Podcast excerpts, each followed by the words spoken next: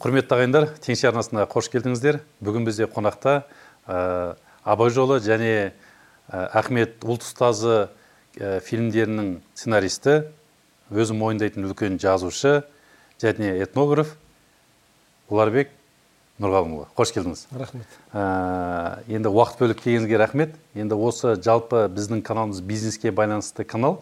Ә, бірақ та соңғы уақыттары ә, украинада болсын ресейде болсын бизнес каналдың ә, төңірегінде біраз зерттеуіме қарағанда көбісі былай айтады. Жаңағы бүкіл ә, малымды немесе дүниемді ақшамды балама бір тиын қалдырмаймын. Олар өздері жаңағы өзінен тұру керек. Мен қалай осы жоғары деңгейге жеттім менің бала шағам да солай өздігінен нөлден бастау керек деген сияқты сондай бір философиялық қорытындылар айтады. Жалпы менің ә, білгенген сіз енді дәстүрді көп білесіз ә, этно саласында біраз жұмыс істедіңіз. Ә, білейін дегенім жалпы қазақтарда бұрын байлар байекеңдер олар қалай өзін ұстаған? Ақшасын малдарын қалай бөлген? Бізде ол туралы бір дәстүрлер бар ма негізі? Көп аса қатты зерттелді деп айтпаймын бірақ қадау қадау материалдарда жазылып жүр ғой. Жаңағы осы мына шыңжаңдағы бүкіл жұртқа белгілі басбай деген бай туралы зейнолла сәңк деген ағамыз жазған. Атамыз дүниеден өтіп кетті ғой. Енді жалпы дүниеге көзқарасы қалай? Қазақтың жаңағы мұрагерлік деген неге қалай? Мысалы атаңнан мал қалғанша тал қалсын дейтін сөз бар мысалы иә? Ол жерде тал деп отырған мәселесі ол игілікті шаруа жұртқа көпке игілікті. Атаңнан жаңағы ол мал қалса ол атасынан тікелей ұрпағына қалуы мүмкін. Ал тал деген ол бүкіл ел, ел сая көретін орман деген секілді бүкіл елге жаңағы қажеті болатындай бір дүние қалса атаңнан. Сосын ә, жаңағы соның саясында соның рахметінде елдің қадіріне бөленіп жүресің деген секілді ә, ой түйін шығады. Ал енді енші деген бар сосын кейін енді қазақта енді дәстүрлі өмір салтында ол алым берім деген нәрсе болмай тұрмайды адамдар арасында. Енді сауда саттық былайша айтқан кезде жаңа заттарды алмасу арқылы жүріледі ғой көп жағдайда. Нақтан нақ бағасы қойылып ақшасы жаңағы бағасы бекітілген дүние емес сондықтан бұл өте әр түрлі өте қызықты және әр өңірде әртүрлі сондай бір терең тақырып негізі. Бұл осы сұрақ бұл бұл сұрақтың бұл көлемінде үлкен үлкен еңбектер жазуға болатын сұрақ. Ал енді оны қазір бірден басын ашып ұзақ толғап айту деген үлкен қиын шаруа. Бірақ өте қажетті дүние. Енді қазақта түсінікті ғой. Тұңғышы ол отау шығып өз алдына еншісін алады. Қызы өз алдына жаңағы тұрмысқа шыққаннан жасауын алады. Жасауыменен ұзатылады. Одан кейін кенже бала қара шаңырақта қалады. Сол үйдегі дүние мүлік сол, сол неде кенжесінде болады. Ал енді бұл орташа қалыптағы жұрттың тұрмыс салты дейік. Ал енді байлар болған кезде бұрын әсіресе байлар шын мәнінде сол мыңдаған малы сол байдың өзінің атында деген болмаса соның маңайында жүз қаралы кедей жүз қарада қаралы кедей демей ақ қояйық. Жүз қаралы жұрт сол байдың біреуі малын қойын баққан болып біреу жылқысын қайырған болып біреу түйесін баққан болып әйтеуір сол соның айналасында күнін көреді. Нәпақасын табады. Нәпақасын табады. Да және ол қызын ұзатса міне мен қызымды ұзатайын деп жатыр едім. Мен, мен жаңағы келін алайын деп жатыр едім. Деген нәрсенің бәріне өзінің үлестерін беріп отырады. Көбісі енді бұрынғы байлардың ары кетсе өзіне дүниені өзіне пайдаланғанда сол қажылыққа барады. А қалған уақыттағы жалпы жұрттың қажетіне жұмсалады. Қазірде де бар ғой ондай. Бірақ дегенмен де қазіргідей жаңағы ауласынан құс ұшып алмайтын үлкен биік дауыл салып алып соның бәрін басып жеп жат, жататын деген секілді нәрсе жоқ бұрынғы. Қазақтың дәстүрінде де. Ал енді ә, кейінгі мына алаштардың тұсында ә, газеттер шықты. Оның алдында жаңағы Э, қаншама адамдардың халықтың оқу ағартуы бар басқа шаруасы бар. Э, соның барлығына ол осы байлардың негізгі солардың демеушілігімен солардың көмегімен деп айтсақ болатын шығар. Сол елдің руханияты жүр. Соны байдың тасуы деген болады қызық болған кезде. Байдың тасуы деген жылына жаңағындай бір керемет мереке өтеді. Бәленбай бай тасиды дейді. Сол кезде жаңағы жәрмеңке секілді ел қажетін сұрайды сұрағанын алады. Анау өзінің керегін айтады. Сол мерекенің төңірегінде ел де жұрт та жаңағы бір жырғап қабырғасын жабатындай марқайып кішкене. марқайып сондай болады. Енді бұрынғы ас берулер де солай. Бұрын дүниеден өткен кісіге ас берген кезде барлық адам ас бере бермейді. Орта шарқы семьялардың бәрі ас бере бермейді. Байларға ас беріледі де және содан ә, тәбәрігі бар басқасы бар жаңағы жұртқа соның барлығы. Бір салттың көлемінде соның бәрі тарқатылады. Тойда да сондай көбісінде байлар жасағанда той ортақ дейтіні тұтас ел келіп қатысатын тойлар болады. Ол қазіргідей қымбат ресторанға өзінің әбден жаңағы киімі бүтін қарны тоқ көйлегі көк адамдарды шақырып алып оларды ресторанға отырғызып қойып сөйтіп баймен бай той жасамайды. Ол той ортақ болады қазына жаңағы сонымен жаңағы жалпы жұрт келіп тойып жаңағы той дегендей шынымен той деген сөз иә. тойып асын жеп қызық думанын көріп елдің көңілін көтеруге арнайы мерекелер ғой. Ол аста тойда сондай дүние ғой. Керемет. Жаңа айтып жатсыз атаңнан мал қалғанша талғасын деген біздің философиялық осы ұғымды біздің ата бабаларымыз ұстанып келді. Мысалы қазір басқа мемлекеттерге қарасақ жапонияда өзінің негізгі дәстүрін ә, бірінші орынға қояды да сонымен жүргенді қалайды и солай болып келе жатыр. Ал енді біз қазақтар не үшін бағанағы дәстүрден кішкене алыстап кеттік? Қазіргі мысалы қалалануымыз бар қазіргі өте үлкен бизнесмендеріміз бар бірақ жаңағы сіз айтқан дәстүрлерді екіталай қолданып жатқаны ә, не үшін осы дәстүрлерден біз алыстап қалдық деп ойлайсыз? Ол енді бұл жалпы біздің ұлттың өзгерісіндегі дүние ғой. Жалпы біз отарлықтың тұсында қалаластық қалаласқан кезде біз сол қалаласу кезіміздің ең бізге осы кездегі өте ауыр нәрсесі сол отарлықтың тұсында қалаласу болды.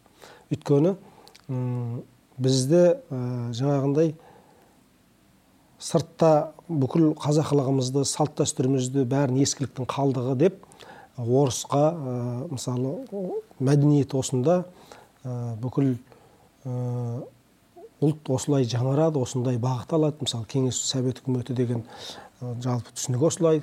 Кеңес адамы деген адам жасаймыз деген әуелі кеңес адамы деген ұғынық түсініктері бір болатын сондай ұлт жасаймыз ел жасаймыз сондай сондай қоғам адам. Сөйткен кезде біз бүкіл өзіміздің салт дәстүрімізді қаланың сыртына тастап тырдай жалаңаш қалаға кірдік қой негізі. Ал енді жанға жазылған жүрекке жазылған миға жазылған дүниелер ол оңайласпай қойша қоймайды. Соның инерциясымен әлі келе жатырмыз. Бір салт істеледі бір салт істелмейді бір салттың мағынасын біліп істейміз біреуін білмей істейміз әйтеуір сөйтіп ілініп салынып келе жатырмыз. Ал енді ә, тіпті ә, жаңағы жалп етіп жерге отыра кететін жапондар кореystер мысалы өзінің ұлттық менталитетімен қалаға кірген қалаласқан оған бәрі ыңғайлы бәрі оңай бәрі дұрыс. Тіпті қазіргі біздің өтетін бәйгелеріміздің өзі баяғы бәйге емес. Баяғы бәйгеде халықтың ортақ қазынасы ортақ тойы болатын шын мәнінде. Өйткені мысалы жүз ат бәйгеге шабатын болса соның қырығына бәйге береді. Сол қырығын қырық адам даяқ болып ұстайды ол мына ауылдың ішінде қадірі бар бірақ енді кішкене қабырғасын жабардай дүниесі кішкене кемшін немесе көңілінде бір кірбің бар бір жақыны қайтты ма екен қайтыс болды ма екен? Әйтеуір соның барлығын емдеп елдің алдында ана беделін көтеріп сол бәйгеде олар даяқ ашып ана келген аттарды бірінші екінші үшінші аттардың тізгінін ұстап сол иесін алып келеді. Иесін алып келген кезде бұл мынандай даяғашының өзінің бәйгеден үлесі болады. Ол ана бәйгенің қасына қосылып бірге жүреді. Мысалы бір бәйгеге бірінші атқа бір түйе тіксе қасына бір тайыншаны тананы қосып қояды. Ол даяғашынікі себебі ал енді осыны, осыны мен 1906 жылғы құжаттан атақты бір жыл, жылқытанушы ахмет тоқтабай деген кісінің материалынан таптым да жаңағы даяршы дейді даяшы ә, бәйгенің он процентін алады дейді. Ол анаған бөлініп қойған. Э, он процентін алады дейді. Сонда ә, ол анау ертедегі құжат қой. Содан алып отыр. Ә, сонда бұл даяғаштың өзінің үлесі. Ал егер ә, жаңағы атым бәйгеден келді атағының өзі маған жетеді бәйгесі сіздікі дейтін болса жаңағы қадірлі ақсақал болса соған жаңағы түйесімен қосып бәйгені беріп жібереді. Болды мына кісінің аты бәйгеден келді мынау даңқы солай кетті бәйгесі мына кісіге кетті. Онда той біздің үйде болады дейді да. Таңертең ың жыңсыз үйінде ә, шайын қайнатып кірін жайып жаңағындай сөйтіп жүрген ың жыңсыз бір үйде кешке жақын той болады да кетеді. Той әр үйде осылай жалғасып кете береді. Сонда жаңағы қырық үйде бір үйде той болғаннан кейін соның бәйгесінің атын ұстаған қырық үйде той болып жатады деген секілді. Солай мына дүниені берген кезде салт дәстүрмен оны оның беделін көтеріп беріп отыр да ана кісі. Мынаны мынау сен ал осыменен қарныңды тойдыр деп мүсіркеп емес. Қайта абыройын асырып беделімен бедел қылып беріп отыр. ол сіздің беделіңіз дейді. Міне осы секілді біздің бәйгелеріміздің өзі өйткені кеңес үкіметі кезіндегі мына құсбегіліктегі ана ер олжадан қатын қалжадан қалмайды дейді ғой. Ол кездегі олжа бөлісу деген өз алдындағы дәстүрлер. Ол да сол дүниенің барлығын өте бұл материалдық тұрғыдан емес рухани тұрғыда екеуін үйлестіріп жіберген. Рухани тұрғыда оның беделі артатын дүниені соның көлеңкесінде ғана жүріп отыратын қылып ана дәстүрді солай жасап қойған сол кезде ешкім бір қайыршылық қалде мүсіркеулік қалде болмайды. Бірақ жаңағындай салт өзі автоматты түрде соның барлығын өзі реттеп отырады. Егер салтты орындасаңыз ары қарай соның барлығы ретіне келіп отырады. Енді сол қалаласқан кезде сол дәстүрден үзілген кезде осының барлығының сырты бар да ішкі мазмұндары кішкене қалып қалды.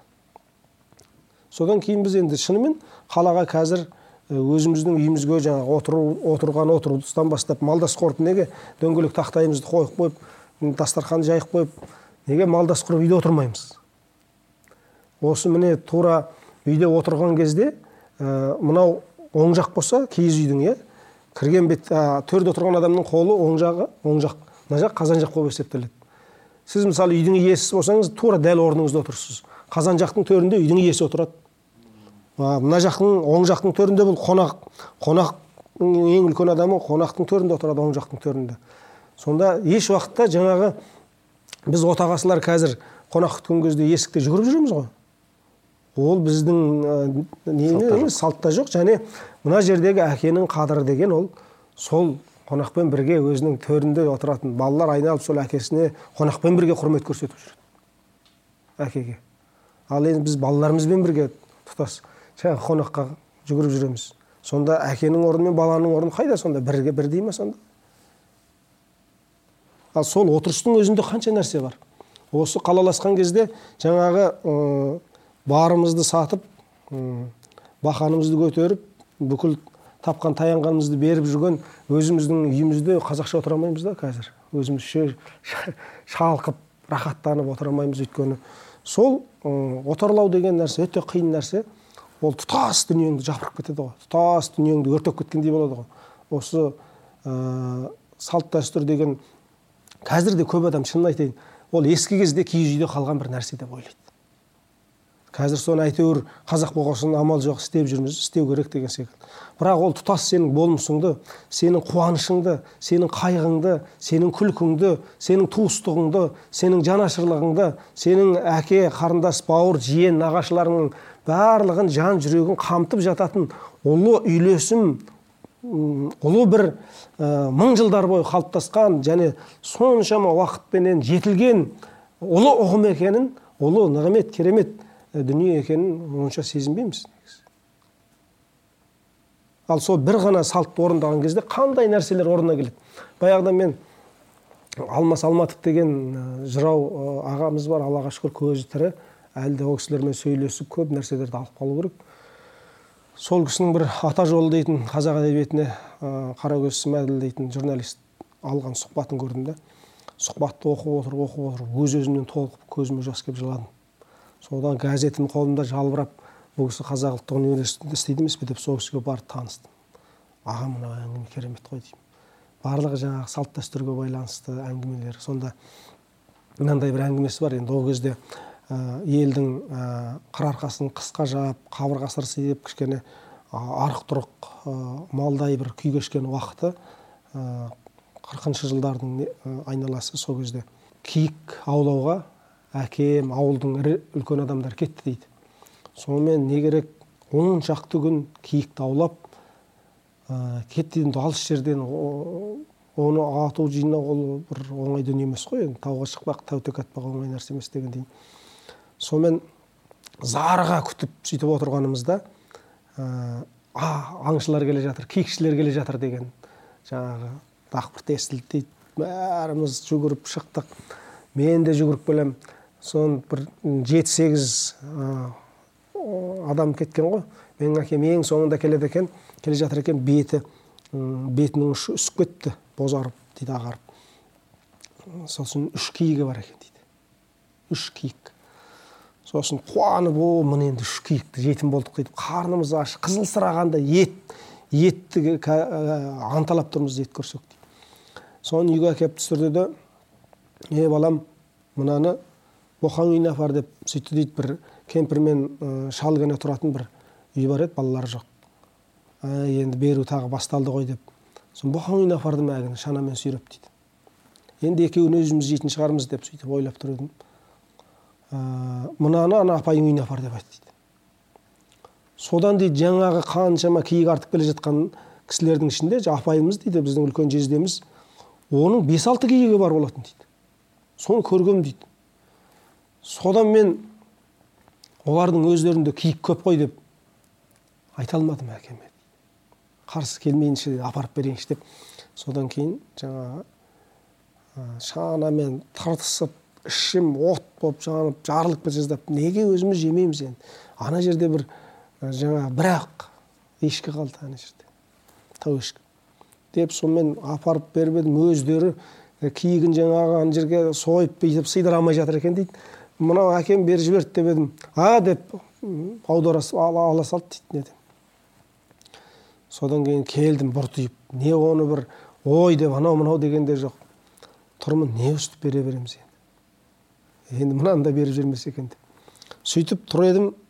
Әкем көріп қалды дейді да мен, мен кішкене бұртиып тұрмын дейді. Аузы басым қисаңдап кәдімгідей ой балам не болды? деп сөйтті дейді. Сосын олардың өздерінде де киік көп қой деп айттым дейді. Сөйттім де жылап жібердім дейді. Өзімді ұстай алмай қалдым. Содан әкем күлді дейді. Ой балам бері кел шайға отыр шайға. Ол деген мына ағасы аңға шыққанда қарындастың сыбағасы деген болады ол біздің киік емес ол қарындас жаңағы апайыңның өзінің киігі ол. Ағам аңға шыққанда оның сыбағасы қайда демеймін? Ол ә, қарындастың әрқашанда ағаның олжасынан қарындастың өзінің бөлек сыбағасы болады. Әрқайсы сапардан әрқайсы олжадан қарындастың сыбағасы бөлек бөлінген. Сөйтіп айтты міне. Сол секілді дүниелер көп. Міне жаңағындай қарым қатынас тұрғанда осы дүниенің дүниелік қарым қатынасты айтайықшы енді руханиятқа қоса. Сонда тағы бір сол кісінің мынандай әңгімесі бар қысқа ғана. Бес жыл баптадым құлыннан құлыннан бір көк атты дейді. Бесті болды дейді. Құлын тайқұнан бесті болды. Соны бәйгеге қостым дейді. Анау енді күндіз түні біргеміз анатпен содан кейін бәйгеге қосып едім. Ә, таласып келіп қалды екі ат. Менікі озды бірақ дау шығып кетті. Анау озды мынау озды деп сонымен мен даудың ішінде жүр едім ой әкең шақырып жатыр дейді. Әкең шақырып жатыр деген соң қандай даудың ішінде болса да кері қайтасың қайтып келсем ақсақалдар төбеде отыр екен дейді. Ай мына ақсақалдар сенің атың бірінші деп отыр ғой. Осы ақсақалдар айтса болды сенің атың бірінші. Қайтерсің оны. Енді осы көк атыңның бәйгесін енді құттықтап мына ақсақалдар үйге барайық деп отыр. Бар да жаңағы малыңды соя бер деп айтты. Шауып келіп малды сойдым. Сосын ақсақалдар тізіліп отыр. Сосын бір кезде ет келердің алдында жағалата су құйып едім. Бәрі мені мақтап о мына қожа баланың аты жүйрік екен деп біреу мақтайды. Қожа баланың аты жүйрік емес талабы жүйрік қой деп біреу мақтайды. Бірінен бір асырып мақтайды. Сөйтіп жатып ет желіп болғаннан кейін сыртта жүргенмін әкең шақырып жатыр деді дейді. Сосын әкем алдына келіп жүгініп қалып сосын әкем айтты дейді. Ай балам мынау ә, ер жігіттің қайғысы қыранның қияғында тұлпардың тұяғында қалады деген. Ә, мына ақсақалды білесің. Ә, жақында кемпір өтті. Өзі жалғыз қалды. Енді осы кісі көңілін көтеріп серпіліп жүрсін. Қандай жылқы мініп жүр деген. Бүгін ғана елдің алдында әйгіленген жылқы. Көк атыңды осы кісі мініп жүрсін бұдан кейін. Ал қолыңды жай батаңды, батаңды берейін деп батасын берсін деп айтты енді қолыңды жай батаңды әумин деген кезде енді ол міндетті түрде қолың көтеріледі ғой енді. Екі қолыма қорғасын байлап қойғандай әрең көтердім дейді. Әрең көтердім қолымды өйтіп жайдым. Ана кісі батасын берді ол батасын да естіген жоқпын дейді. Ана көк атын қимай тұр ол бес жыл бойы баптап жаңағы өзі мойнына асылып өскен жылқы ғой сол отырдым да бетті сипап болғанша көзімнен мөлтілдеп жас шығып кетті көрсетпей далаға шығып кеттім. Келдім де көк атымның мойнына асылып жылап тұрдым дейді. Неге бере береді мұның бәрін? Деп. Сонымен кетіп қалдым дейді үйден. Қалаға барып сосын таңертең келсем әкем әй балам дұрыс қылдың дұрыс қылдың деп айтты дейді. Тап бір өзім қылғандай дейді. Сөйтіп бір екі күннен кейін жаңағы ақсақалдың туыстары құлынды бие он шақты қой жаңағы айдатып құлынды биені жетелетіп жаңағы біздің ақсақалдың әулеттің жаңағы үлкен кісісін осындай елдің алдында беделін арттырып көңілін көтеріп жіберген екен қайғысын серпілтіп жаңағы шерін шайған екен осы кісіге енді. Мынау бізден де сый болсын деп жаңағыны айдатып мал айдатып жетектетіп жіберіпті дейді. Міне ол халықтың ішіне сіңген қадірің солай қайтымды болып келіп тұратын дүние дейді бір жағынан бұл алым берім ғана емес таза. Бір жағынан қандай ана кісінің серпілтті қандай ана кісінің көңілін көтеріп тастады қандай елдің ішінде жаңағындай қайғы болып тұрған кезде сол ол дәрімен емдейтін нәрсе емес қой қайғы деген. Ол көңілмен емделеді. Ол айнала адамдардың бір бірінің көңілімен емделеді. Сол өте биік деңгейде ана бір дүниені себеп шығып ә, оны адам өзі руханиятына өзінің көңіліне осындай биік кісілік адамшылық неге жұмсайды ғой оны мінекей осы салт дәстүр деген міне осы нәрселер мысалы. Осындай нәрселер біз осындай нәрселерден айырылып қалып отырмыз. Жаңағы айтқан кезде қазақша киім киіп алып қара жорғаны билейді екен немесе жаңағы ә, қазақша киім киіп алып домбыра тартады екен деген ғана салт дәстүр емес ол. Наурызда жарқ етіп шыға келетін. Ол тұтас ұлттың болмысы жан дүниесі күлкісі қуанышы қайғысы бәрі жатқан нәрсе. Құбылысы. Иә.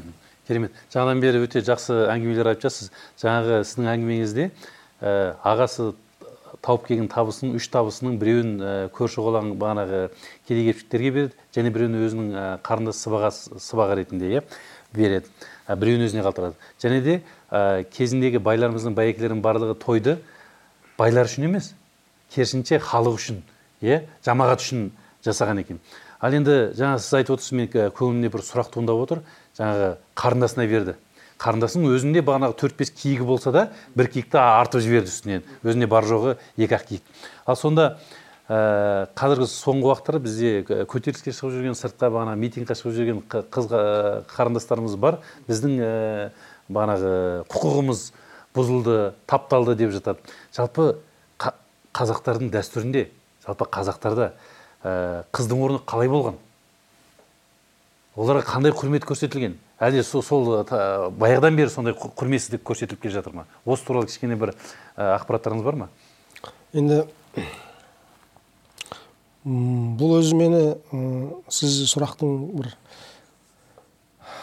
қалай айтсам болады төбесінен түсіп отырсыз дейді ғой. Бір ойда жүрген нәрсенің мүмкін ол туралы алда бір жазатын ойым бар. Өйткені қазақ қазақ қызының қадірі деген бір бөлек әңгіме шыныменен де ал бірлі жарым келеңсіз жағдай болмады деп өтірік айтпай ақ қояйық ондай нәрселер де болады әрине. А бірақ қазақ өзі шын мәнінде тапқан дүниесін өзі қызына үлестіреді екен. Өзі қызына береді екен. Оның бүкіл дәлел дәйегі бар. Ол бәрі салт дәстүрде тұр. Мынау бізде енді кеңес үкіметі кезінде мына әйел теңсіздігі деді де көп жағдайда соның бір жағына жазып кетті қалың мал деген мәселені. Қызды малға сатқан деген сипатта қалың мал деген мәселені жазды. Мен мысалы қалың мал дегенді жоққа шығармайтын едім өйткені біріншіден ол ә, бір қадірі бар дүние ғой. Қазақта айтады қалыңсыз қыз болса да кәдесіз қыз болмайды оның бір кәдесі жасалу керек. Ол бір ә, көшеде жүрген адам емес қолынан жетелеп кете беретін. Ол бір далада жатқан түйме емес тауып алып тағы тағып ала береді сондықтан оның кішкене қандай бір дүниені қымбатқа қарай алсаңыз сонша бір қадірлейсіз ғой. Өте қымбат қалған үйіңіздің жаңағы бір қабырғасына кір жоқ болмасын деп сипалап отырасың ғой. Сол секілді нәрсе. Ал енді жаңағы жаман жұтық тегін келген қора қопсы болса оның жағдайы қалай? Сондықтан ол сондай дүние ол бір қадірімен болу керек. Оған алу үшін де жігіт кішкене дүние мал жиып тырысу керек деген секілді нәрсе ғой. Ол енді өз алдына. Ал енді осының екінші жағы бар. Қызға не береді деген мәселені қозғалмады бұл мәселе. Ал енді қазақ қызында жасау деген бар. Қазақ өзі бірінші ұзатылар кезде қыздың танысу деген бір салт бар. Ол мына бауыржан момышұлының ұшқан ұясында да тұр. Сондай салттың қалай болғаны. Танысу. Ол танысу дейді. Ал ол неге танысу қойғанын мен білмеймін. Ал ол дәстүр бізде мына алтай бетінде ол міне бертінге дейін әлі бар. Қыз ұзатыларда мысалы ай бұрын қасына үш төрт құрбысын ертіп үш төрт болғанда таңдаулы өзінің.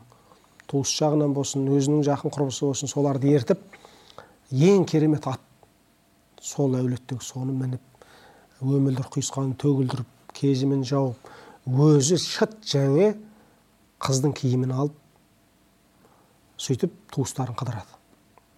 Әр үйге қонады.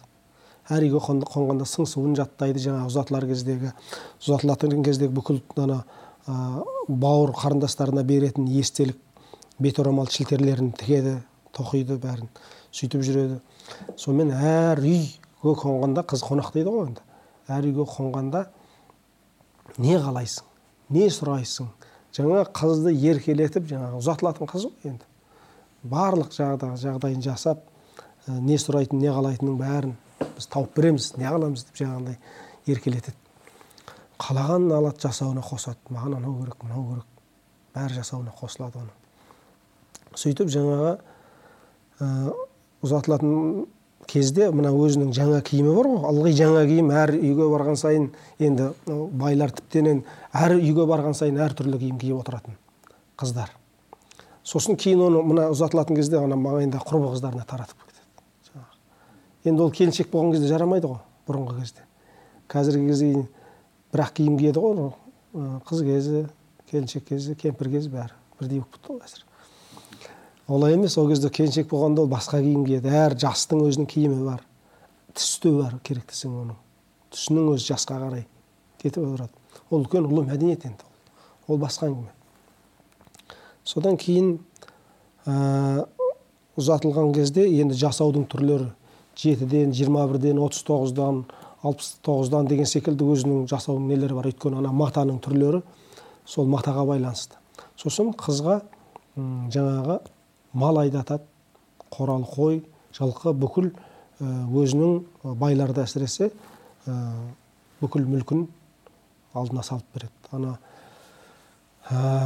алтайдың ақиықтары дейтін мағазразданның романында сосын сол беттегі қабдеш жәнәбілов дейтін кісінің дариға деген романында бар ғой.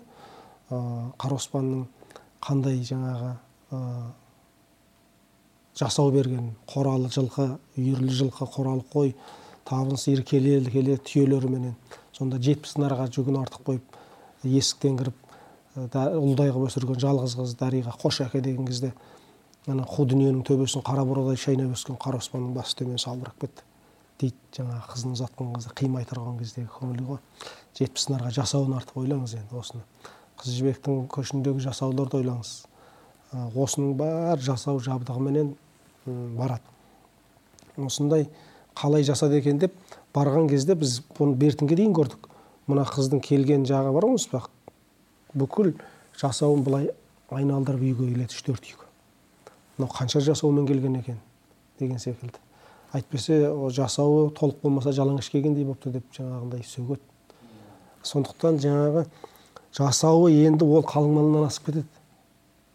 Қалың малынан асып кетеді оны жасау керек десеңіз сол қыз ана жат жұртқа барған кезде жанында болсын үш төрт жыл сол жұртқа үйлесіп кеткенше көмекшісі болсын деп шаңырағына адам мінгізіп береді. Бала қыз қасына қосып береді. Сол айналада енді көрші қолаң жоғыштықтың адамдар болады ғой. Соның бір қызын туыс туған болсын мейлі соны қосып береді. Ал сол жақсы жарасып қалатын болса сонда көмекшісі болып қалып содан кейін оны бір жаңағы айдындатып өзі ұзатып өзі жаңа қарайтын болады. Кейін болмаса үш төрт жылдан кейін қайтып келеді. Міне бұл қызға қамқорлығы. Содан кейін барғаннан кейін ә, жаңағы қалыңмалынан асып кеткен дүние мүлкімен барды дейік. Одан қайтадан қыз төркіндеп келеді. Төркіндеп келгенде әлгі бүкіл туыс айналасы бір бір қара береді жоқ дегенде. Міне мен оның тірі куәгері басқа ешкімді мысал қылмайын. Менің өзімнің ең кенже қарындасым біздің үйге төркіндеп келген кезде тоғыз сиыр айдап қайтыпты мен сексен жетінші сексен сегізінші жылы туған қарындасым ғой. Міне сол дәстүр әлі сондай ұстанып отыр. Сегіз тоғыз сиыр деген аз нәрсе ме? Бір ақ келгені ол. Жасауынан бөлек. Одан кейін төркіндеп төркіндеп келгеннен кейін. Сосын ол төркінінен төркіндеп барып ол жерге бір көркейеді қалың мал жаңағы жасау анау әкелген. Мал дүниеге анау. Сосын кейін қыз ұзатылған кезде сол әулеттегі ең жүйрік ең жорға атты мінеді. Ең керемет атты қызға мінгізеді. Біздің өзімізде де ә, бәйгеге қосып жүрген кері кері ат болатын. Жүйрік неше құнанынан бірінші болып келеді соны менің ең үлкен әпкем мініп кетті. Мысалы. Ол ешкімге қимайтын ол сатуға болмайтын ә, жаңағы жылқы. Соны кератты үлкен әпкем мініп міне сол жылқының жүйрігін жаңағы матаның қымбатын деген секілді сонымен жасаумен барып қайтадан төркіндеп келіп жаңағы дүниені тағы алады. Енді одан кейін қараңыз. Одан кейін бүкіл жұрт білет ә, дүниеге сәби келгеннен кейін мынау жиен деген болады. Жиеннің қырық серкеш деген әңгіме бар ғой. Жиеннің қырық серкеш деген ол керемет дәстүр керемет салт. Ол жиеннің өзінің еншісі мына жақтан алады енді сол жиен келіп ол жаңағы қырық серкеш қырық серкеш деген ол әшейін ғана серкеш емес оның да өзінің жаңағы әр өңірге әртүрлі өзінің жаңағы бағалары бар деген секілді нәрсе. Ол қырық серкеш емес жаңағы қырық қой болуы мүмкін ә, деген секілді. Ол өңірге қарай сол әркімнің шама шарқынша қарай бірақ орындалатын іс те. Ол қазір ауыз жүзінде қалды ой қырық серкеш анау мынау деген секілді. Ә, оны да тарқатып айтсақ ол енді бөлек әңгіме. Оған қазір ә, бүйтіп әңгімеміз тым жайылып кетер. Содан кейін ә, жиен жалпы жиен келе жатыр дегенде өздеріңіз де білесіздер ғой. Үйдегі бір өте қымбат өте қимас зартты тағып қояды. Себебі жиен сұрақ болса беру керек. қолын қайтаруға болмайды. Ал енді не керек осыдан артық? Сол енді қырық серкеш бір алып кеткен одан кейін жиен сәби емес есейді үлкейді азамат болды. Бірақ нағашысынан келіп мынаны сұраса жиеннің қолын қайтаруға болмайды. Оның барлығы мына жақтағы қыздың беделін асырып жатқан жоқ па? Керемет беделді қызды көркейтіп жатқан жоқ па? Енді анау жаңағындай жиен өмір бақи нағашына назданып енді ана жақ құда жақ е бұның нағашы жағы осындай нағашы жағы осындай деген кезде мына жердегі отырған шүйкедей болып қалғанға дейін ғана кемпірдің жаңағы беделі артып отырмай ма? асып отырмай ма? сонда ұлды отау шығарған кезде он шақты қоймен бұзаулы сиыр жаңағы құлынды бие боталы түйесіменен шығаратын шығар. Ал ары қарай ол өзі көркейіп өзі жаңағы өсіріп малын өсіріп жанын бағатын шығар. Бірақ қызға берілетін қазақта қызға берілетін дүние тоқтаусыз. Тоқтаусыз. Міне бүкіл ә, жаңағы дүниесін қызына береді. Ал енді ә, әжелеріміз біздегі осы қыз ұзатылған кезде әй оның жасауы кем болып қалмасын. Ана бір нәрсесі кем болып қалмасын. Ә, жаңағы жалаңаш барғандай болды деп біреу сөз қылмасын. Осының жаңағы ә, маңдайы жерге қара беті жерге қарамасын деп ә, жаңағы бір ұлдың бір нәрсесі кем болып қалыпты деген ә, нәрсені естімейсің. Иә. естімейсің. Қыздың бір нәрсесі болмай қалып па дейді. Міне. Міне осыдан бұны ә, тарқататын ұңғыл шұңғыл әңгімесі әрине көп бірақ қазақ бар дүниесін қызға арнаған ғой қызға берген. Бізде солай істеуіміз керек. Егер сол дәстүрдің барлығын ұстанған кезде шіркін ай енді оның қадірін ә, ол жақтағы жаңағы құдалар да білетіндей. Ә, ол жақтағы осындай болып жатқанын күйеу баласы да білетіндей. Жиен де білетіндей. Деген деңгейдегі барлығы бір гармонияда болу керек қой. Ана қайтымдылық мәселелерінің барлығы. Оған құрмет те сондай болу керек. Содан кейін кейбіреулер мына нәрсені өткенде астана әкімшілігінің арнасынан ба бір бағдарламалар жүргізіп жүр екен. Сонда бір жігіт атын ұмытып қалдым мынау қазақта барған жеріңе тастай батып судайсың деген сөз бар. Ол қыздық айтылмаған құдаларға айтылған деп жаңағы әңгімені жіберіп жатыр. Ол құдалар деген ана жердегі құнарлы топырақ емес гранит тастай болса оған қайтып сіңеді анау мынау деген секілді. Ондайды ой жотаменен айта беруге болмайды негізі. Тарқата беруге болмайды. Ол деген үлкен философия ол үлкен мән мағынасы бар дүние. Мысалы барған жеріңе тастай батып судайсың дейтін ол қызға айтылған оны неге құдаларға айтылған деп бөлетін қандай дәлел дәйегі бар оның? Қызға айтылғанына мың мың әдебиеттен кездестіресің. Ұзатылар кезде жаңағы ақсақалдардың әжелердің айтқан сөздері. Әдебиеттің бәрінде біраз әдебиетте бар мысалы. Содан кейін тас дегеніңіз түбіне дейін батады. Су жеткен жеріне дейін сіңеді. Қандай керемет. Анау бату анау сіңуменен ал енді ол қызға айтылғанда қазақ ешқашан бір нәрсені тура айтпайды. Өйткені қазақтың ойлауы көркем ойлауы деген ғажап нәрсе. Ол сондай ә, бір биіктікте ойлайды. Сол айтады сен барған жеріңе күйеуіңмен ғана жақсы боламын деген әңгіме болмасын дейді. Сен барған жеріңде әже жаңағы енеңмен атаңмен қайын сіңілі нағашысы бар. Сен солардың бәрін тілін тауып көрші дейді. Судайсың деген солай ғой. Сонда дейді ә, сөйтіп тілін тапқан келін мысалы бес он жыл демей ақ қояйық соның айналасында енді нақты санға бөлмей ақ сол ауылды билеп шығады. Ол да менің ә, жаңағы ә, әулетімдегі мысалым да бар. Менің әкемнің қарындасы ә, сол кісі бір ауылға барды өзі бір шуылдақтау сондай бірінің сөзін бірі тыңдамайтындай сондай әулет еді. Ана кісі барды бәрінің тілін тапқан. Он жылдан кейін сол ауылды шұрқ иіріп басқарып атасы қаниша ананы істейміз деп атасы келіп ақылдасады. Енесі бүкілі сол кісіден ақыл сұрап сол кісінің айтқанымен жүретін болды. Бір ауылдың анасы бір ауылдың анасы сөйтіп елдің анасы атанған ғой. Сол рудың аты аталып кеткен ғой сондай әйелдермен. Бүкіл рудың аты. Өйткені сол ананың бәрін тілін тауып өйткені ол барған жеріне ол тастай батқан адам. Ол судай сіңген адам. Ол жеткен жеріне дейін сіңген адам. Бүкіл нәрседе басқарсаң егер басқарушылық деген сен бәрімен тіл табысып қана басқарасың. Ол енді әкімшілік басқару болмаса егер. Басқа бірде бір жолы жоқ оның. Сол ауылда ел анасы болудың сол ауылда сыйлы болудың. Бір ақ жолы ол бәрінің жаңағы тіл табысу ә, тіл табысу дегенде мінез көрсететініне мінез көрсетіп ақыл айтатынын ақыл айтып мақтайтынын мақтап ә, ұрысатынына ұрысып деген секілді. Міне ол сөйтіп андай дүниемен жаңағындай беделмен айыбымен келген адам ол бір әулетті тек келін билеп кетеді деген әңгіме жоқ. Оның ішінде санаулылар өйткені адамның бәрі бірдей емес қой. Ол әулетке ә, сырттан сәби дүниеге келеді өзі бір әулетке. Одан келін келеді. Өзі екі ақ бөтен адам келеді. Сол бөтен адам негізі мына әулеттің дәстүрін қабылдайды. А соны қабылдай отырып оған басқа жақтан келгеннен кейін ол басқа нәрсе бере алады. Кішкене өзгеріс. Ана ұлытауда арқадан мына жетісудан бәрі жан жақтан келіп құдаласқан кезде дәстүр таралды жан жаққа дейді ғой. Келіндермен бірге таралады дәстүр кейде. Ол барып өзіндегі бір нәрсесін тым болмағанда жаңағы бір асының өзгерісін сөйтіп сөйтіп әкеліп жатады алыстан болған кезде мысалы ә, негізгі әулеттің дүниесі болады. Соны біле тұра соны игере тұра.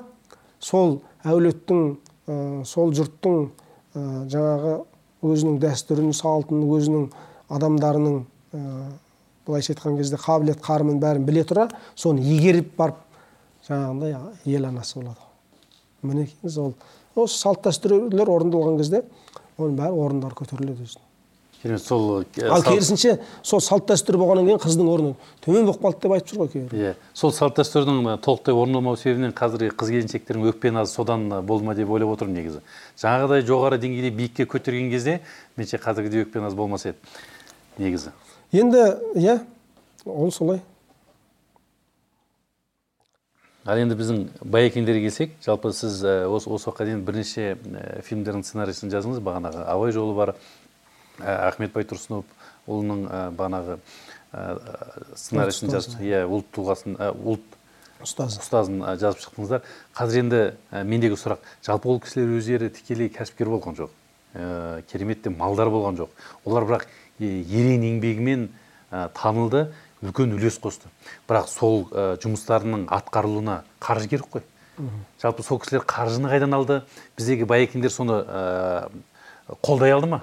Қайрат сақ деген ағамыздың осы қазақ газет төңірегінде соның қалай шыққаны қаржысы қалай игерілгені қалай алынған туралы бір жақсы бір кітабы бар. Негізі оны да талдап талқылап оқу керек. Ә, сол сонда енді ана біздің сериалда көрсетілгендей де ол жерде ә, сол ең алғаш байлардың қаржысына сүйенеді. Байларға біраз нәрсені түсіндіреді. Мынау америка деген елде 800 ә, газет бар. Мынау россияда бәленбай газет бар деп ахаң бүкіл ел ел жер жердегі газет елдердің газеттерінің санын дейін айтады. Мына татар мына тұрған татардың өзінде он шақты газет ал бізде біреулер жоқ. Бұл осындай осындай болады. Бұл рөлі мынандай болады деп жаңағы ол кезде қоймен есептейді. Бір қой бес сом екен. Ә, сонда бір газетке ә, қанша сом еді? Қазір есімде жоқ. Бір елу алпыс қойдың көлемінде ме? Сондай кетеді екен.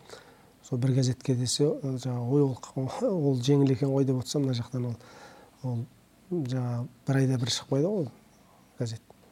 Төрт сан шығады мысалы сонымен сол ә, байлардың дүниесі несіменен шықты негізі. Көп жағдайда. Оларға түсіндірді оларға айтылды. Ахаңның өзі мысалы қазақ газетін небір түрлі сылтаулармен патша үкіметі қазақ газетін тоқтатып тастауға күш салды. Сол кезде ә, мынандай бір ә, баптарыменен ахаң өзі айтады. Ә, егер оған салынған сол кезде жаңағы төлем салады штраф дейді ғой енді. Соны салады да оны төлей алмайды. Өйткені газет қалт құлт етіп ана адамдардың ақшасымен әрең шығып отыр. Сонда ахаң айтады мұны төлей алмаса бұны шығарушы жауапты адамы бұны абақтыда отырып өтесе болады. Сондықтан газет тоқтамасын мен абақтыға отырып келейін дейді. Сөйтіп абақтыда отырады ана жақтан газет тоқтамасын шығып жатады. Газетте жердің мәселесі елдің мәселесі білімнің мәселесі барлық нәрсе. Тарайды үш мың төрт мың мына ә, қытайға дейін барады. Мына жақта өзбекстан қазір қырғызстан дейсің жан жақтағы облыс облыстардың несіне тарайды. Соның барлығын адрестерін қолмен жазып отырып жаңағы ә, жан жаққа жібереді. Сөйтіп отырып ахаң түрмеде болған кезде де мына жақта міржақып бар. Ахаңды олай түрмеге отырғызуға болмайды деп жаңағындай ел бар жұрт бар ақша жинап ақыры соның жаңағы төлемін төлеп ахаңды мерзімінен бұрын шығарып алады. Міне осылай жалпы енді ол әртүрлі салада әркім өзінше істеп жүр ғой. Бірақ осы байлардың бір нәрселерді кедейлерге қазір де көмектесіп жатыр. Бірақ соны бір салт дәстүрге орап бұрынғы келе жатқан бір салт дәстүрімізді тірілтіп соның негізінде берсе ол басынан нұқып қайыршыға ұстатқан тиын секілді емес болатын еді. Бір дәстүр және оған оның да жауапкершілігі болады. Ол да бір сұраншақтықтағы нәрсе емес. Ол да өзінің былайша несін көтереді. Ал біздегі кейбір нәрселердің өліп кеткені мысалы бір абай қалшабек деген бір азамат бар. Осы шымкент жақта тұрады. Соның бір айтқан әңгімесі бар еді. Кеңес үкіметі кезінде дейді жаңағы ауылда бір кісі малынан айырылып қалыпты енді ол үкіметтің малы ғой. Енді жаңағы суыққа үстіп алды ма қасқырға жегізіп алды ма әйтеуір. Сосын ол түрмеге қамайтын болды дейді. Соны ел айтты дейді қой мынадан үкіметтің малынан өзіміздің де ұстап отқан малымыз бар соны жинап мынау атпалдай азамат тападай тал түсте жаңағы малынан айырылып қалды деп түрмеге жіберген бола ма? Мал жинап берейік. Сөйтіп төлейік үкіметтің малын бәріміз бәрі сосын мал жинаған ғой елден ойбай жылу жинайық деп. Бәрі жылу жинап жаңағындай. Сөйткен кезде бір жесір әйел бар дейді. Бір он шақты жаста он он бір жаста бір екі ұлы бар.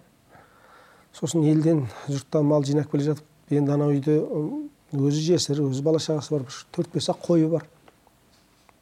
Сол үйдің тұсынан өтіп бара жатадық ана кісі айғай салды. Шақырды дейді. Мал жинап өтіп бара ғой аналар ей сендер қайда кетіп барасыңдар? Біліп білдім мен сендердің мал жинап бәленбайға көмектесіп неден алып қалайын деп жатсыңдар. Біздің үйге неге соқпайсыңдар? Деп еді. Ой енді жеңеше енді сіздің жағдайыңызды білеміз ғой енді деп сөйтіп еді анау жаңағы ренжіп айбаттанып. Бұл дегенің бәленбайдың шаңырағы емес пе? Бұл шаңырақ ел қатарлы бұл да өзінің бір бір тоқтысын бір жаман тоқтысын бере алады.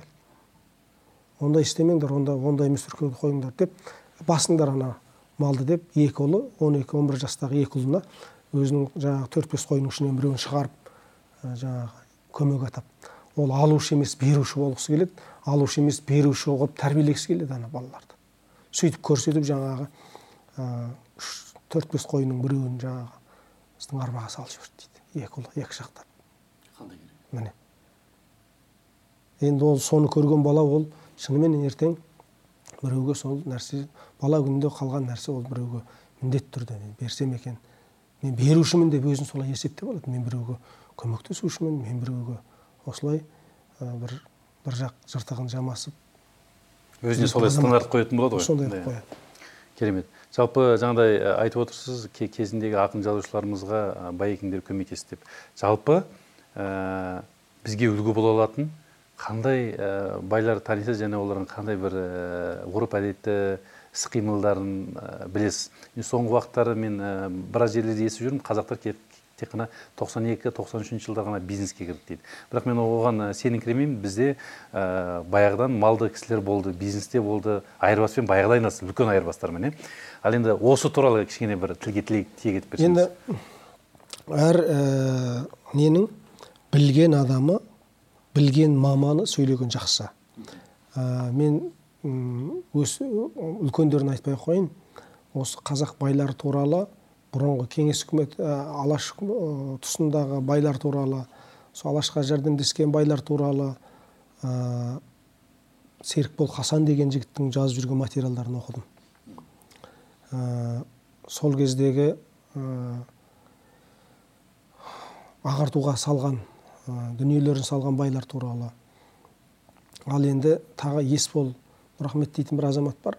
Сондай бір жобаны телеарнаға ұсынған сол ақшасы аз болды ма мүмкін соны ары қарай жалғастырды ма жалғастырмады ма білмеймін. Кеңес үкіметінің алдында бізге машина зауытын ана германияда германияның өздерінің машинасын әкеліп өздері машина шығармақшы болған адамдар ә, кәдімгі ол машинаны ақмолада жүргізген ана оралда да сол машинаның бір несі бар германиядан әкелген. Ол сол машина бар негізі. Оның суретін егеменде бекен қайратұлы деген кісі жариялап жазды. Сонда ә, солар кәмпит шығарған. Мына ә, қосшы деген қала бар ғой. Астана іргесінде бір екі үш жылдың алдында қосшы болды. Сол қосшының аты ана қосшықұлов деген сол жердегі байлар бар сол сол кісілердің атына байланысты шыққан екен. Сонда енді ары қарай сол кісілер зауыт салып кәмпит жасаған ғой. Сол кәмпит сол кездегі ана қатын патшаның сарайында сол біздің кәмпит тұрған екен. Сол кездегі ә, жаңағы ә, олар кеңес үкіметі орнамаса енді орнағанда бізді жарылқады сол деп жүр олар оның алдында әкеліп қойған ғой. Техниканы оның басқа нәрселерін солай ә, жаңағы елге жұтқан ә, ғылымды техниканың бәрін әкеліп мүмкін одан да зор дүниені жасауға бекіген еді. Олардың бәрін басы қырқылып кетті әрине. Кейін осы кездегі астанадағы конгресс холлдың тұсында сол жерде ә, аналардың жинаған тай тұяқ бүкіл алтындарын бәрін көмген екен. Сосын кейін ұрпақтары оның бәрін біледі. Бірақ кейін ол ә, кеңес үкіметіне де ол мәлім болады да соны кәдімгі олардың көздерінше бақырайтып тұрып жерден алтынды қазып қазып әкетті дейді алып кетті дейді. Кесек алтындарды сондықтан осы бұрынғы мына осы сұрағыңызға байланысты бұрынғы қазақ байлары туралы арнайы сол жігіттерден ә, сұхбат ұйымдастырсаңыз болады. Жақсы түсінікті. Иә сол кезде қалай көмектесті мына мына кімнің абайдың қасындағы абаймен жау оразбай бар ғой абай жолындағы. Абаймен өмір бақи жау болып өтеді. Оразбай деген оның бір жағымсыз кейіпкер ғой абайдың екінші жағындағы. Соның әулеті кейін соның әулеті бай болды да кім деген тілім ұшында тұрады. Соның баласы сол оразбайдың баласы алаш үкіметіне көптеген жаңағы көмектескен оның жалпы мынау молдаға дін саласындағы сосын жаңағы салбыржан ақан сері әнші күйші нелердің көбіндегі оның бүкіл несі жұрттың жаңағы байлардың мойнында болды ғой негізі.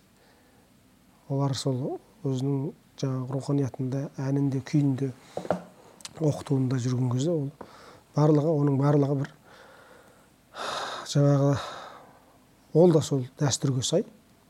Басынан нұқып емес бедел қылып көрсетіп жаңағы айбынын асырып елдің алдында солай қылып береді. Оның барлығы бәрібір айналып келіп халыққа руханият болып қайтып жатады.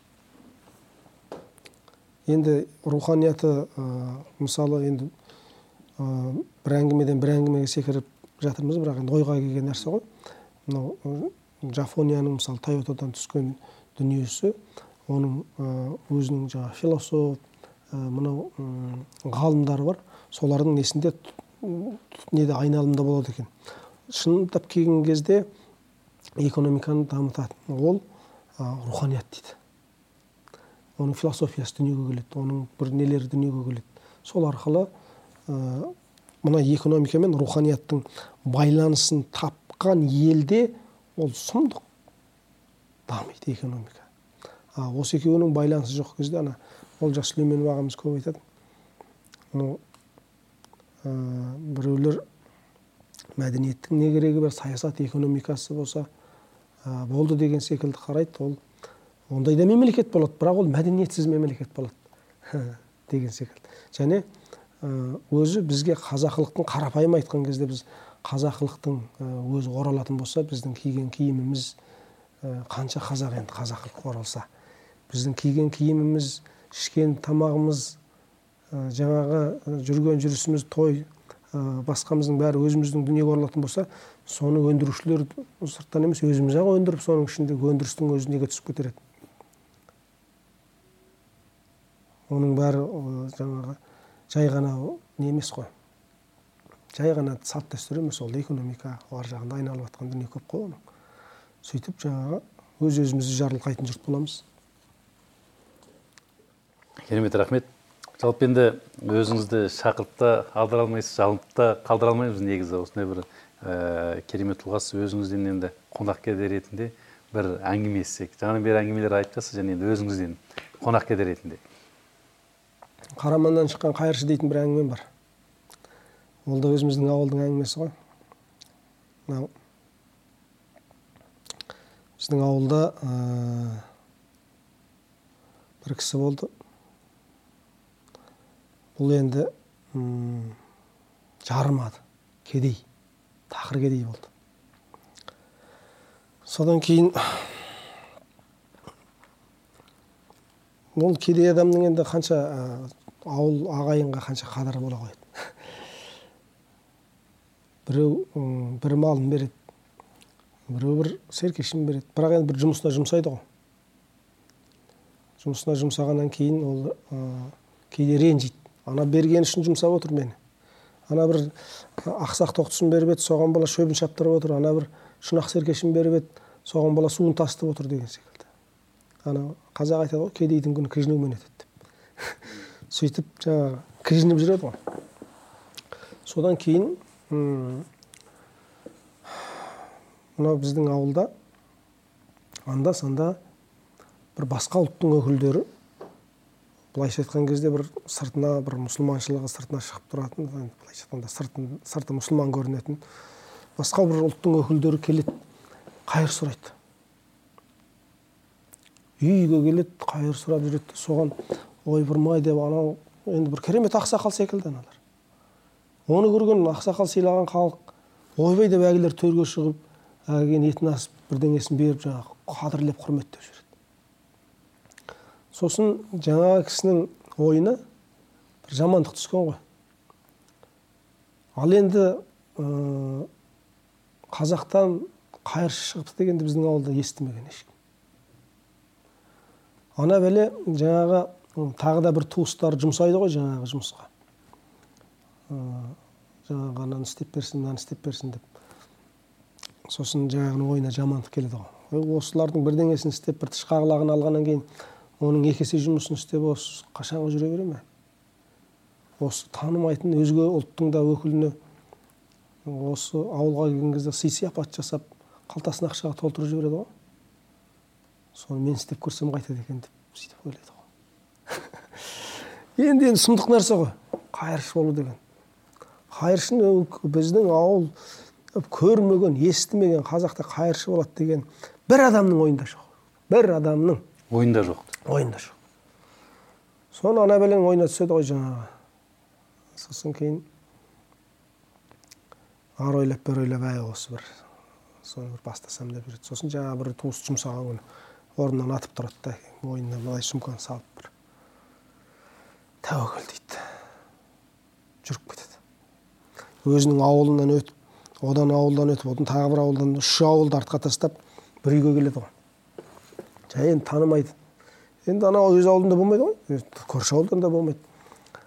Енді сосын кейін біздің ауылдарда шынымен есік ашық тұрады қақпасы ашық тұрады. Келген адам айқайлап сырттан шаруасын айтпайды үйге кіреді. Шай ішіп отырса содан бір ауыз шайын ауыз тиеді ел әңгіме қылып отырса сонымен бірге әңгіме қылып отырып отырып шаруасы жоқ болса қайтады мысалы сол секілді ақырын бісміллә деп жаңағы жолдан неше рет қайтқысы келген енді мынау қалай болды деп бастау бастап алса да бірақ ол неше рет талпынған ғой неше рет талпынып әй болмайды ұят болады деп қайтқан сол ойынан өзі шаршаған әбден енді бастасам бастадым бастамасам қойдым деп отырғанда бастап кеткен сонымен ары қарай кете берген ғой. Сөйтіп жаңағы үйге келсе төр алдында жаңағы есіктің алдында тәпшен дейміз ғой енді осы жақта. Сәкінің үстінде енді күздің уақыт бес алты адам шай ішіп отыр екен дейді. Ана кісі кіріп келеді. Ассалаумағалейкум уағалейкум ассалам ой келіңіз келіңіз төрге шығыңыз. Жаңағы шайға үстіне келді шай ішеді. Ал қайдан жүрсіз? Сұрайды ғой енді қазақ. Ол өзінің ауылын айтпай оның ар жағындағы бір ауылды айтады сол жақтан келе е жөн екен жөн екен ой сосын ал руыңыз қай ел дейді ғой. Қазақ енді ру сұраспай отыра ма? Сосын осындай дейді тағы бір руды оның ішінде оның ішінде не сосын оның ішінде қараман дейді ғой. Қараман деп қалған кезде әлгі отырғандардың барлығы мына жақта бір үлкен қара жойпан бір үлкен бір түйедей бір жігіт отыр екен дейді. Ой деп әлгі елдің бәрі анаған қарайды дейді ой деп ана орнынан атып тұрып ойбай сен бауырым екенсің ғой мен де қараманмын соның үшін деп жаңағы екеуі құшақтасады. Сосын кейін ой деп сөйтіп отырған кезде жаңағы ет келіп қалады. Ет келіп қалады. Сосын ал енді құдай қонақ болдыңыз бата жасаңыз дейді ғой. Өзі қайыршы өзі төрге шығып алған өзі жаңағы құрметтеліп төрде отырып енді ал бата жаса дейді. Алда жаңағы күздегі еркек қойдың жылтыраған майы жалт жұлт етіп жатыр. Өзі анау таңертеңнен бері қараөзек уақыт жаңағы кешке қарай үзіліп мына жерге келіп отыр қарны ашып бара жатыр сөйтеді де жаңағы батаны жасайды. Оған кім бата жасатып көрген? Ауылда соны әйтеуір жаңағы іркіліп әйтеуір бірдеңенің басын бірдеңенің аяғын шалып бата жасайды. Сонымен жаңағы ақырын еттен алады. Ә, кімнің? Жаңағы қурап қалған қу тұяғы еркек қойдың майына ілінген кезде жіп шығып кетті деймін жаңағы. Сол секілді. Сонымен асайды жаңағы. Сөйтіп ет желініп ана басқа бір әңгіме болып ана мына болып сосын қайтадан табақ желіп болғаннан кейін жеп отырған кезде анау неше түрлі ойға кетеді. Мынау айтсам ба екен қазіргі жүрген жайымды. Айтпасам ба екен. Айтпайын десе неше рет осы ақыр жолға шықты. Неше жыл шығам ба шықпайын ба деп әбден зәразап болған. Айтпай қайтып кетсе тағы уайымдайды айтып қалса қалай болады? Айтып қалса осы жерден ақ жаңағы туысым деп бауырына басып отқан ана дәу қара өзі жағдайы жақсы секілді жардай болып семірген. Ол біржола өзі жарылқай салай ма? Деген үміт бар. Неше түрлі арпалыста отырып әйтеуір жейді ғой тамақты. Сосын ас жиылғаннан кейін ал енді. Ал енді неғып жүрсіз дейді ғой неғып жүрсіз дегеніңіз анау сол қайыршы едім дейді ғой қайыр сұрап жүрмін деген кезде ана бүкіл отырған жұрт жаңағы қара жойпанға қарайды ғой ал туысыңыз бауырыңыз анау деген түрі өрт сөндіргендей болған орнынан атып тұрып ананың кеңірдегін алып қалқандырып сабап көгала қойдай қылып ел әрең арашалап алып соныменен сүйрелеп дарбазадан далаға шықты дейді. Сосын үйіне алып кетті дейді. Әкең не деген итсің не деген есексің? Бүкіл қазақтан шықпаған қайыршы енді қараманнан шығайын деп отыр ма? Сен бүкіл біздің қараманның өлгеннің өлгеніне тірісіне тірідей сүйегіне таңба басып отырсың ғой сен. Не деген итсің? Аштан өлдің ба? Көштен қалдың ба? Деп жаңағыны әкеп үйіне әкеп сабап сабап ертесінде өзі бір малын жетелеп бір қойын өңгеріп ананы бір атқа мінгізіп алып ауылына апарады. Туыстарын жинайды. Мынау не? Мыналар отыз тістен шыққан сөз отыз рульге талып кетті ана сол жерде қанша адам отырды. Оның аузынан қайтып қақпақ боламын мынау деген сұмдық болды.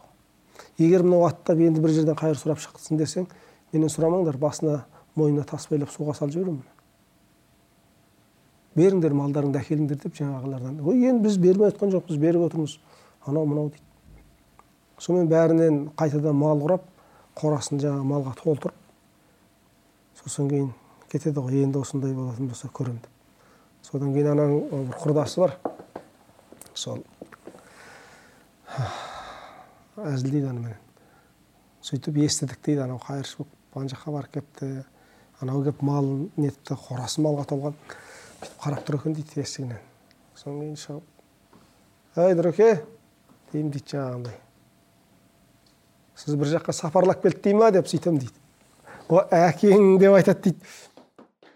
Бұл қазақтың ішінде қазақтың ішінде қайырша болу да қиын болды ғой. Не өздерің бермейсіңдер жарытып не бір жақтан жинайын десеңдер жинатқызбайсыңдар әкең деп айтады дейді анау. Содан кейін ә, жаңағы ақыры мал бітіп сонымен жүзден астам жаңағы қой бар өзі ана біреудің малын баққан кезде айтатын малын көмекші болып бағып жүрген кезде осының еркек қой қозылап ә, жаңағы атаны боталайды ғой деймін не деген малы өседі деп анау төлдеген кезде ие болмаған кезде менің әкең жеті атам осы бір жүнді жау дейді ғой қойды осыны жүнді жауды жүзге жеткізе алмай жеті атам күйіп кетті ғой менің деп сөйтеді дейді сол сол ақыры сол жүзге жеткізді сол қойын жаңағы. Біраз қордаланып қалғаннан кейін анандай жаңағы соққыдан кейін деген секілді.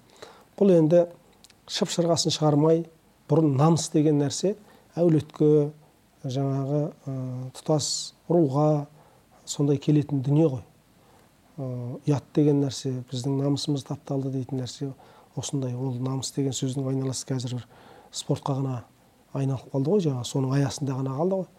Сондықтан шашау шығармай жоқ іштік жаңағы ә, сұраншақтық жасатпай мен ағайынымын мен неғып отырмын анау үшін өзі ұялады. Бізге намыс келеді ғой бізге ұят келеді ғой деп. Міне жаңағы ұрудың да жақсы дүниелері жақсы жақтары туыстық қой енді былай айтқан кезде ұру деген осындай дүниелер бар міне. Қараманнан шыққан қайыршы деген әңгімеңіз осы қандай керемет. мен біліп отырмын да мына жерде қазір екінің бірі сұрайды ғой қай елсің деп сұрайды руың кім деп сұрайды. Жалпы енді бұл руға тайпаға бөліну бұл бөлінушілік емес. Қазақтарды біріктіретін ана бірін қолдайтын қуаттайтын бір инструмент сияқты болып тұр да. Солай ғой. Өйткені шыңғыс ханның басқару жүйесінде де солай ғой. Жаңағы өз қолыңды өзің кеспейсің дейді сосын кейін жаңағы анау өз ә, руыңның несі сен шашау шығармай өзің басқарасың. Тентегіңді тезге сал дейді. Сөйтеді да анау өз руының өзіндегісін анау жүздік жүз басы мың басы дегендер бар ғой. Сол сол секілді нәрселер ғой солай ә, жаңағы бөліп бөліп басқару жүйесі деп айтқан кезде соның ішкі мәселелерін өздері шешіп отырады да сыртқа жақсылығын жарқыратып көрсетіп отырады. Осындай жүйе ғой. Бізде мысалы енді ру енді бір, бірыңғай жамандап та айтып жатыр қаншама жұрт. Бізде ру деген нәрсе мысалы ә, жеті жеті ата деп жатады ғой бізде. Жеті ә, атадан кейін бір нүкте қойылады да үтір қойылады да тағы бір ру шығады. Мысалы мен ұларбек деген бір ру шығу керек еді мен жетінші болсам мысалы. Анау хангелді деген ру бар одан кейін жетіншісі мен болсам ұларбек деген ру шығып одан кейін кіші ру шығады да сөйтіп ары қарай жаңағы қыз алысатындай болып бар кіші ру болып кете береді мысалы. Бізде әкімшілік басқаруға өткеннен кейін кеңес үкіметінен кейін оның алдынан бастап мысалы сол ру тоқтап қалды. Енді ол ру шықпайды. Болды енді. Өйткені ары жетпіс жеті атаға дейін кетуі мүмкін. Әкімшілік басқаруға өтті рулық басқару бұрынғы жүйеде ол кетіп қалды. Қызық енді осындай. Ал енді ол шықпай ақ қойсын мейлі. Ол, бір ә, бірақ ә, демей ақ қояйық. Енді бізде әулет деген мәселе болу керек. Әулет те бір әулеттің бетке басары осы әулет болған нағашы жұртымен жиналған бір қауымдық не бар? Осы нәрсенің ішінде шашау шығармай әй мынау ұят болады. Мынаның ағасы қайда? Мына жаңағы жоғыштық көп. Мешіттің айналасында неше бір әп әжептәуір адамдар тұрады ғой. Жас қыздар келіншектер тұрады. Соның енді әулеті қайда? Ағасы қайда деген мәселелер бар. Әлеуметтік мәселе әрине оны тек әулет шешсін деген нәрсе жоқ. Мемлекет болғаннан кейін әкімшілік болғаннан кейін өзінің оның қарауындағы тұрғындар болсын әлеуметтік мәселесін шешсін мемлекет.